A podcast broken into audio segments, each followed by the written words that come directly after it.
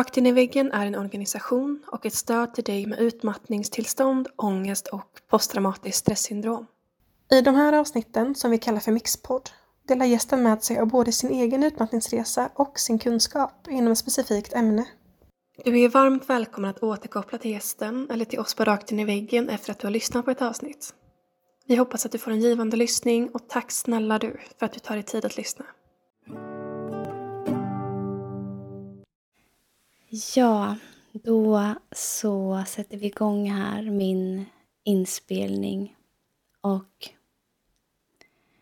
hej får jag säga till dig som, som lyssnar först och främst. Och det känns eh, viktigt att få vara med i den här podden.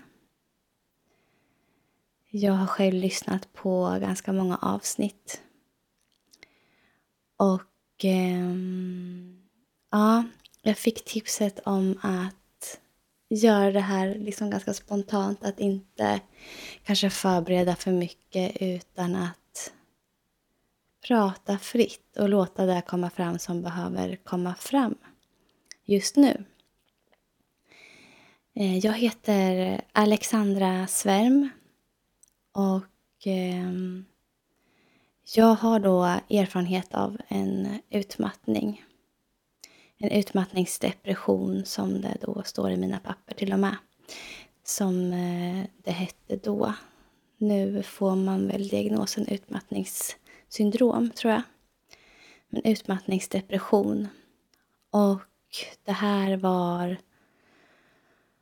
runt 2013 eh, och sen fram till 2017 2017, lite fram och tillbaka, var väl mitt mående då. Och eh, ja, jag antar att du som lyssnar nu på det här eh, kanske har du själv kanske erfarenhet av någon, en utmattning eller en depression eller psykisk ohälsa på något sätt. Um, eller så har du varit där. Uh, gått in i väggen.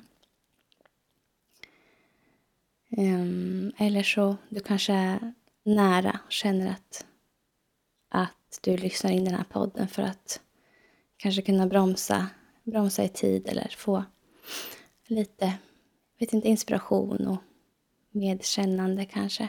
Vad vet jag. Um, fint i alla fall att just du lyssnar in det här avsnittet. Min resa ska jag börja prata lite om först, min utmattningsresa som jag kallar den för. Men eh, också så kommer jag prata lite grann på slutet om hur jag jobbar med det jag gör idag. Jag jobbar just nu en hel del med, med personer som har varit i utmattning och eh, som vill komma igång och träna och röra på sig men också i kombination då med eh, mindfulness och medvetenhet, närvaro. Men eh, vi kan väl börja med hur allting startade för mig. Och det här är jag på något sätt väldigt svårt för att... Ah, hur startade det liksom? Egentligen så får man gå tillbaka till barndomen ju för att förstå mönsterbeteenden och så vidare. Men kortfattat egentligen kan man väl säga då att jag alltid tidigare i mitt liv har varit en person som har värderat mig själv utifrån vad jag presterar. I allt. I skola, i träning och i livet, hela livet i stort egentligen. Och eh, gick ut med väldigt fina betyg, presterade väldigt bra på både handbollsplan och friidrottsarenorna runt om i Sverige som ungdom. Har ju, ja, egentligen prestationen har varit väldigt viktig för mig egentligen. Så där ligger väl lite kanske bakgrund till att det blev som det blev, tror jag. Blev också värdesatt utifrån, mycket utifrån hur jag presterade.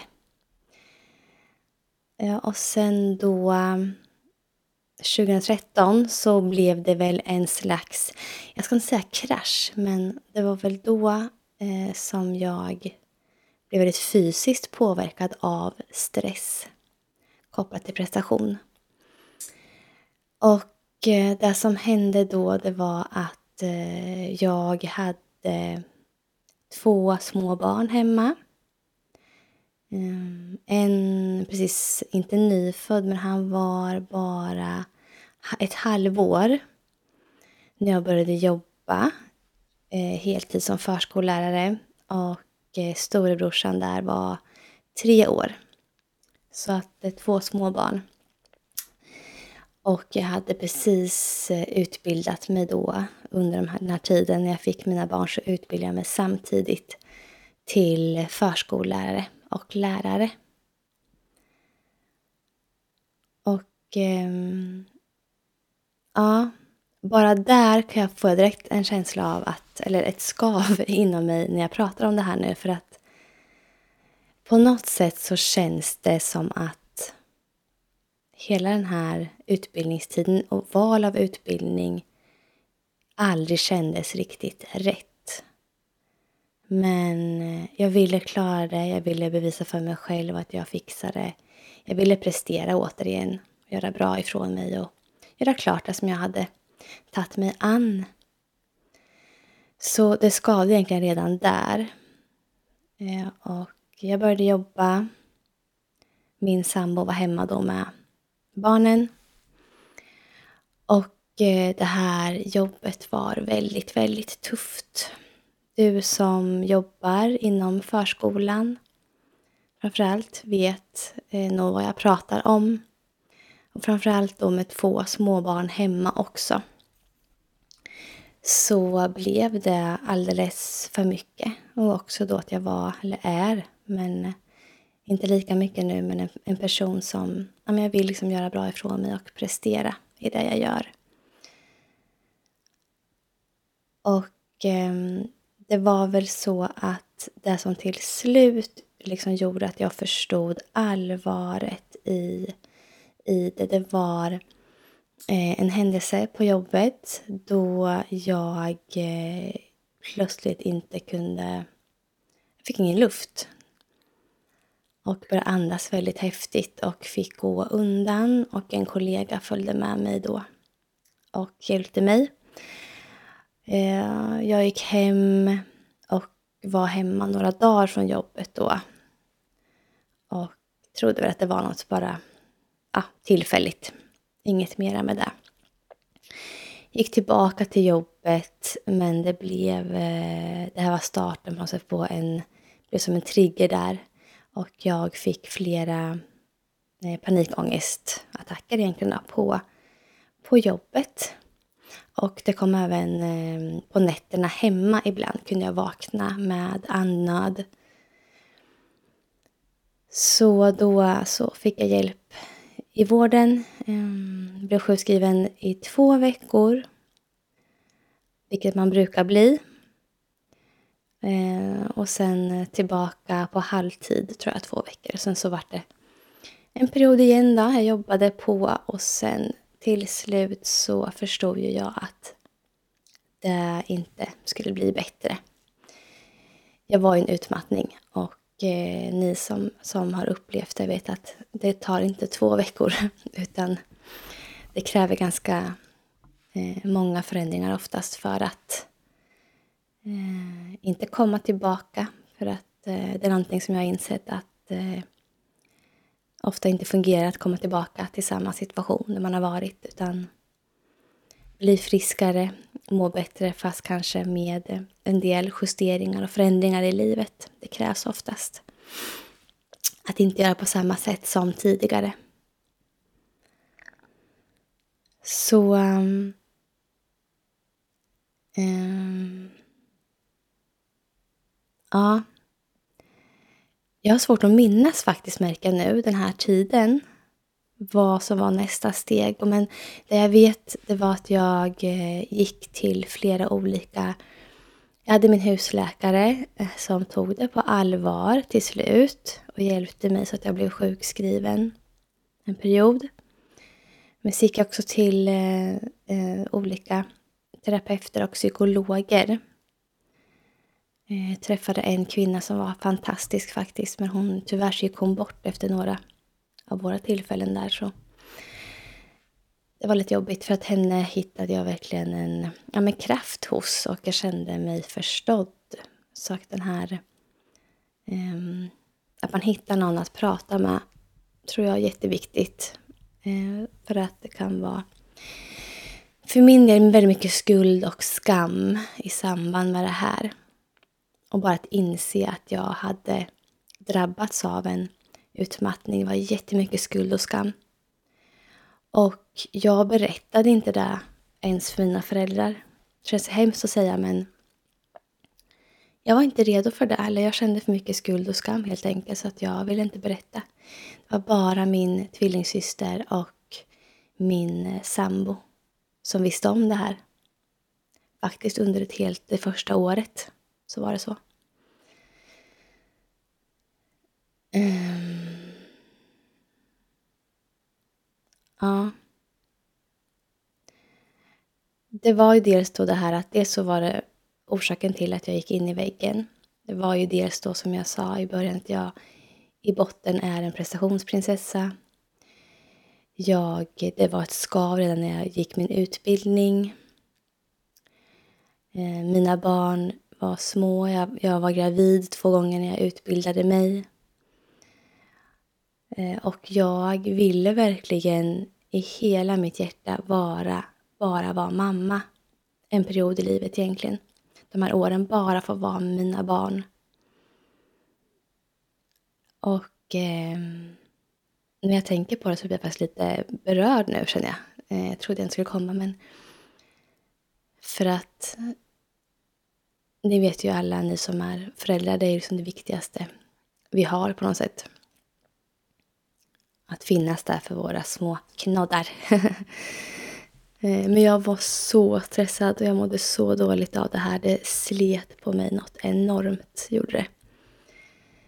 Och det är också därför jag till slut tog det här på allvar. Eh, för jag ville vara där för mina barn och vara närvarande mamma. Det var det absolut viktigaste för mig.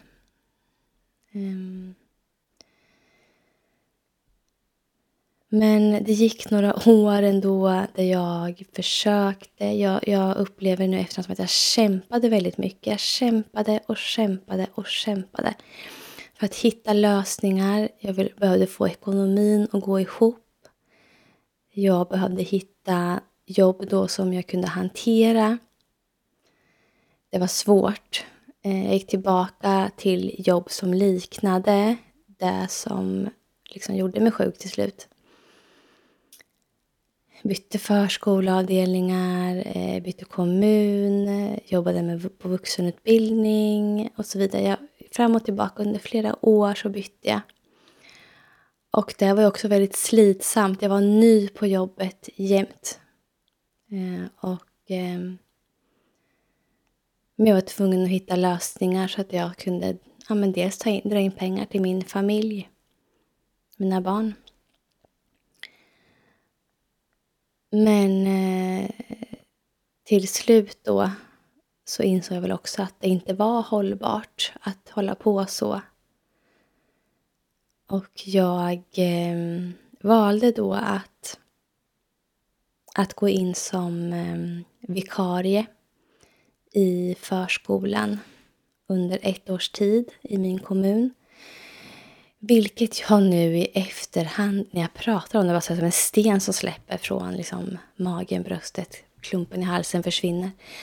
För det var så skönt att bara få andas. Alltså att någon sa till mig att kan du göra det där idag? Kan du göra det här nu? Jag behövde inte ta några beslut själv utan mina kollegor kunde säga till mig vad, det, vad som behövde göras och jag ville ha det så. Jag sa också till dem att jag ville ha det så. Och det året var en av de absolut skönaste arbetsåren som jag har haft faktiskt. Den tiden var jätteskön och välbehövlig och återhämtande faktiskt för mig. Men det krävde ju också sin, eh, ska man säga, alltså styrka i att, att stå för det här valet och beslutet. Och jag upplevde ofta att jag fick försvara det. Att det var någon skuld och skam i det också. Att, att gå från eh, ja, förskollärare och det ansvaret, eller lärare också för den delen som jag också var, till att jobba som vikarie. Hur kan du göra det? Hur kan du ta det här beslutet? Och jag fick försvara mig tyckte jag en del där. Men jag kände så starkt att det här är så rätt för mig nu. Så ehm, ja, det var jätte, jätteskönt. Så jag tror under det här året så blev jag också medveten om vad jag behövde och vad som fungerade. Och att jag inte skulle tillbaka till en situation som jag hade varit i tidigare. Till någonting som jag inte mådde bra av. Så det var ett litet uppvaknande för mig faktiskt. Att, eh, att ta det här beslutet och eh, gå på min, min egen magkänsla faktiskt, som jag gjorde där. Och jag kunde vara en eh, närvarande mamma som jag verkligen var min högsta prioritet. Eh, sen var det annat i livet som blev påverkat såklart. Ekonomin var kanske sämre. Vi fick tänka till ganska mycket kring vad man egentligen behöver liksom. Och kring konsumtionsvanor och, och annat. Och jag hittade många, eller mycket, andra värden i livet under den här tiden. När jag fick landa lite det här året. Så ja, men jag hittade tillbaka till lite grann till mig själv. Jag fick ju liksom en paus. Dels under sjukskrivningsperioderna men framför allt tror jag jag tog det beslutet om att jobba som vikarie och släppa krav och att släppa ner på ansvar som var ju. Och få ta hand om mig och min familj. Det var som att börja om för mig nästan, 2.0. Och där i så hittade jag också till mindfulness. Och det var eh, en psykolog som jag hade ett samtal med faktiskt som introducerade begreppet för mig. Jag hade inte hört begreppet förut, medveten närvaro, men hon eh, frågade mig om jag hade provat att ta in medveten närvaro på jobbet, vet jag. Just då jobbade jag som, an, som eh, idrottslärare. Just när hon nämnde det. Och när hon sa det till mig då så tänkte jag först att vad pratar du om? Nej, alltså det är ingenting som jag kan ta till i mitt yrke. Det är stressigt ändå, som det är. Men i efterhand sen då när jag hade släppt det här jobbet med mycket ansvar, gått in som vikarie, eh, hade mycket liksom luft upp på järnkontoret och tid att bara få liksom vara i det som var. Så då förstod jag vad hon menade. Och att jag också hade börjat ta in det faktiskt omedvetet, just mindfulness, under mina promenader och träningsrundor. Jag springer ganska mycket, jag har alltid gjort det. Jag älskar att vara ute och lufsa, jogga, springa. Och promenera också nu för tiden. Jag tog in, alltså jag upplevde mina rundor på ett annat sätt. Och det var nog när jag fick möjlighet att stanna upp och landa lite. Så eh, jag såg mig omkring, Fåglar, träd, naturen runt omkring, människor som jag mötte. Ljuden från, alltså vinden, vattnet, dofter. Jag börja uppleva mina promenader och rundor på ett nytt sätt. Ett medvetet sätt. Eh, också börja känna in min kropp och hur jag mådde. Och vad känslorna stod för och vad jag kunde känna för känslor och vart de kändes och när klumpen i magen eller i halsen eller bröstet, vad, vad står det för och när lättar det upp och varför gör det det och vad i livet påverkar mig just nu och på olika sätt. Så en medvetenhet skapades där och mindfulness blev en stor del av mitt ett förhållningssätt till livet, skulle jag säga. Som det fortfarande är. Och som jag numera då också jobbar med faktiskt, med mina deltagare och klienter. Mm. Jag vet inte vad jag ska säga mer om min utmattning, men um, jag vet att under de här åren så jag grät så mycket. Jag har nog aldrig gråtit så mycket, alltså kanske som barn kanske då, när man var liten. Men så mycket som jag grät de här åren.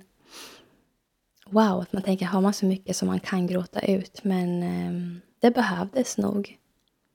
Och där vill jag säga till dig som lyssnar att just det här släppa ut känslorna som man går runt och bär på och kanske har burit på under många år. Den här stressen och oron som har funnits där. Och klumpen i magen, i halsen, i bröstet, trycket över bröstet. Alltså den här stressen som du har känt, som du kanske känner nu. Några som lyssnar. Oj, vad man behöver släppa ut det. Och jag gjorde det, men jag jag har alltid ganska svårt egentligen med just att släppa ut känslor. Men jag gjorde det och det var min sambo som fick ta det. Jag låg ofta i hans knä i soffan på kvällarna och grät. Eh, men det var jätteskönt efteråt. Mm.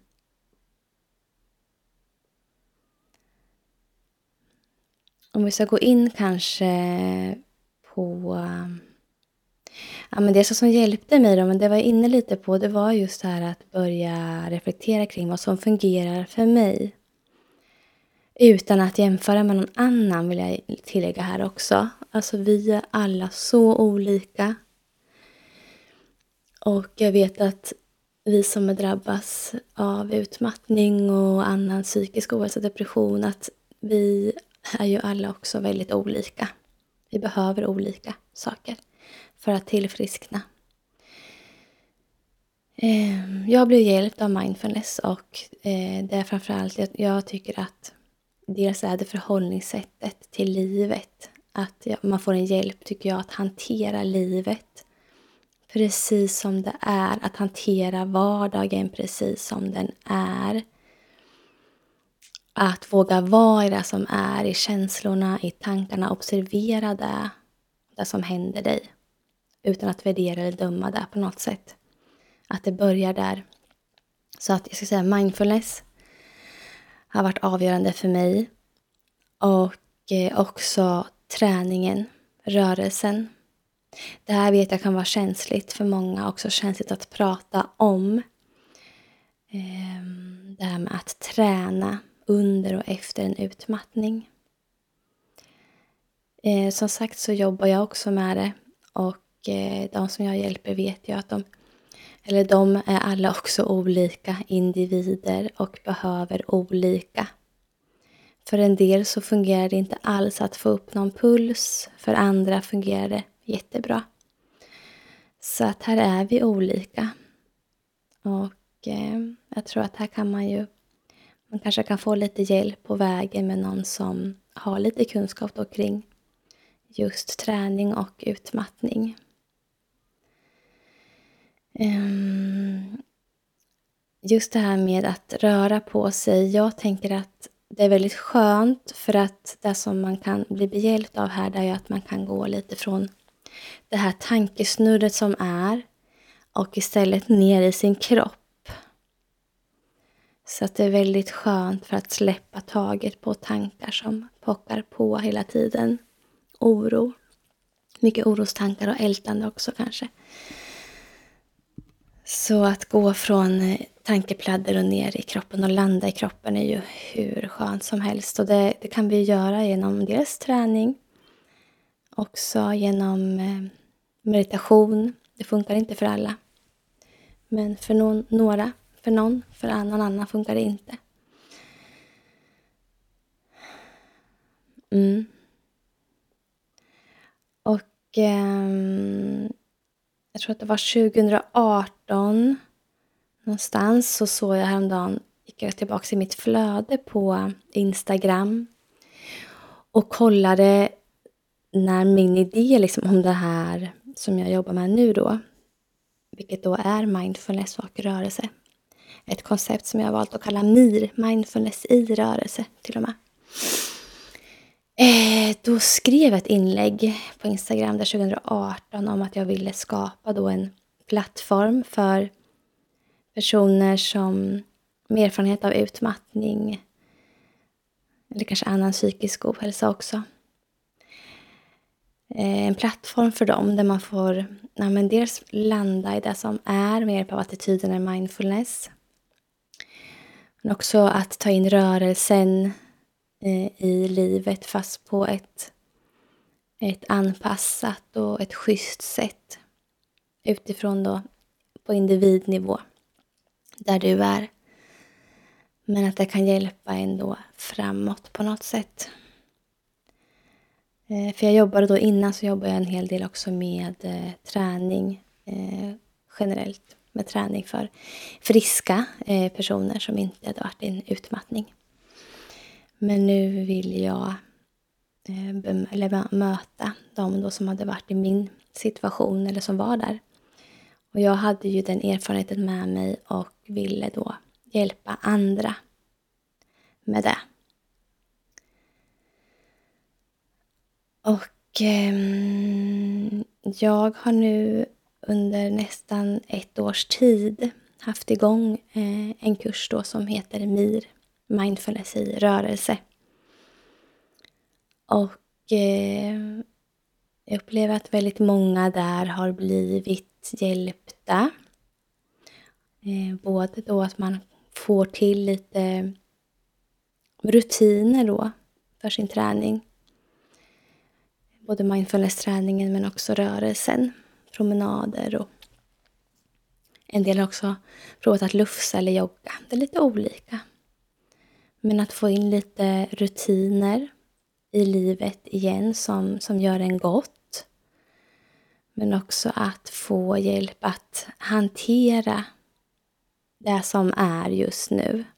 Att hitta en acceptans i det som är. Och att utgå från det. Med hjälp av mindfulness och attityderna där. Så eh, ett jättefint koncept som har varit mycket uppskattat. Jag tror att det har haft ungefär 100 personer nu som då har, har gått den här kursen. Ja.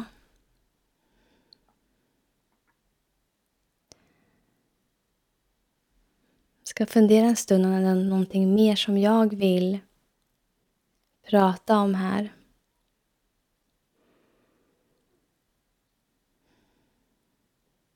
Det jag skulle vilja skicka med dig som lyssnar och som, som jag själv har blivit väldigt behjälpt av. Det är vissa såna meningar som sitter fast som, som andra har sagt till mig och som jag själv har tagit med mig nu. Det var en kollega till mig som sa, när jag inte mådde bra då eh, i förskolan och blev sjukskriven, så sa hon till mig att eh, det kommer en tid efter den här, Alexandra. Det kommer komma en tid efter den här. Det kommer en tid efter den här. Och det tyckte jag var det var så skönt när hon sa det till mig för att det blev en tröst i allt på något sätt och också en hjälp för mig att acceptera min situation just då. Det kommer inte alltid vara så här. Eh, så det var jättefint av henne att skicka med mig den insikten. Det kommer en tid efter den här. Och allt är föränderligt. Och det är det ju. Jag vill också skicka med dig att just det här med om du är en utmattning nu eller nära har varit där, att våga stanna i det, att vara i det. Och utgå ifrån din situation som du är i just nu. Vad i det här nu kan du själv påverka. Vad, vad kan du göra för dig själv? Och vad kan du inte påverka? Att skilja på de här två för att kanske hjälpa dig själv att släppa taget lite grann om det här som du inte kan påverka just nu. Och kanske hjälpa dig att hitta en acceptans i det som är också.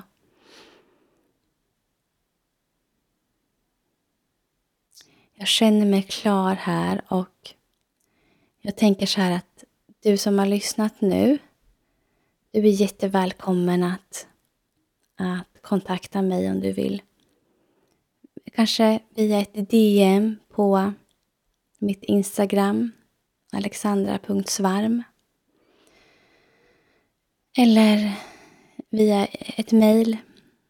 Um, ehm, vore jättefint att höra ifrån dig och dina reflektioner och om du har fler frågor. Jag kanske inte gick in jättemycket nu eller jättedjupt på Eh, min utmattning men jag, jag försökte så gott jag kunde utifrån det som ville komma fram just nu. Så varmt välkommen att kontakta mig om du skulle vilja. Och tusen, tusen tack till dig som har lyssnat. Um, ja. Ta hand om dig, vännen. Vill du också medverka i Rakt in i väggens podcast? Besök vår hemsida för mer information på www.raktinivaggen.com medverkan. Om du vill tipsa oss om en poddgäst eller om du har en fråga eller synpunkt på det vi gör kan du alltid mejla oss på podcast raktinivaggen.com för att få svar. Tack för att du lyssnar.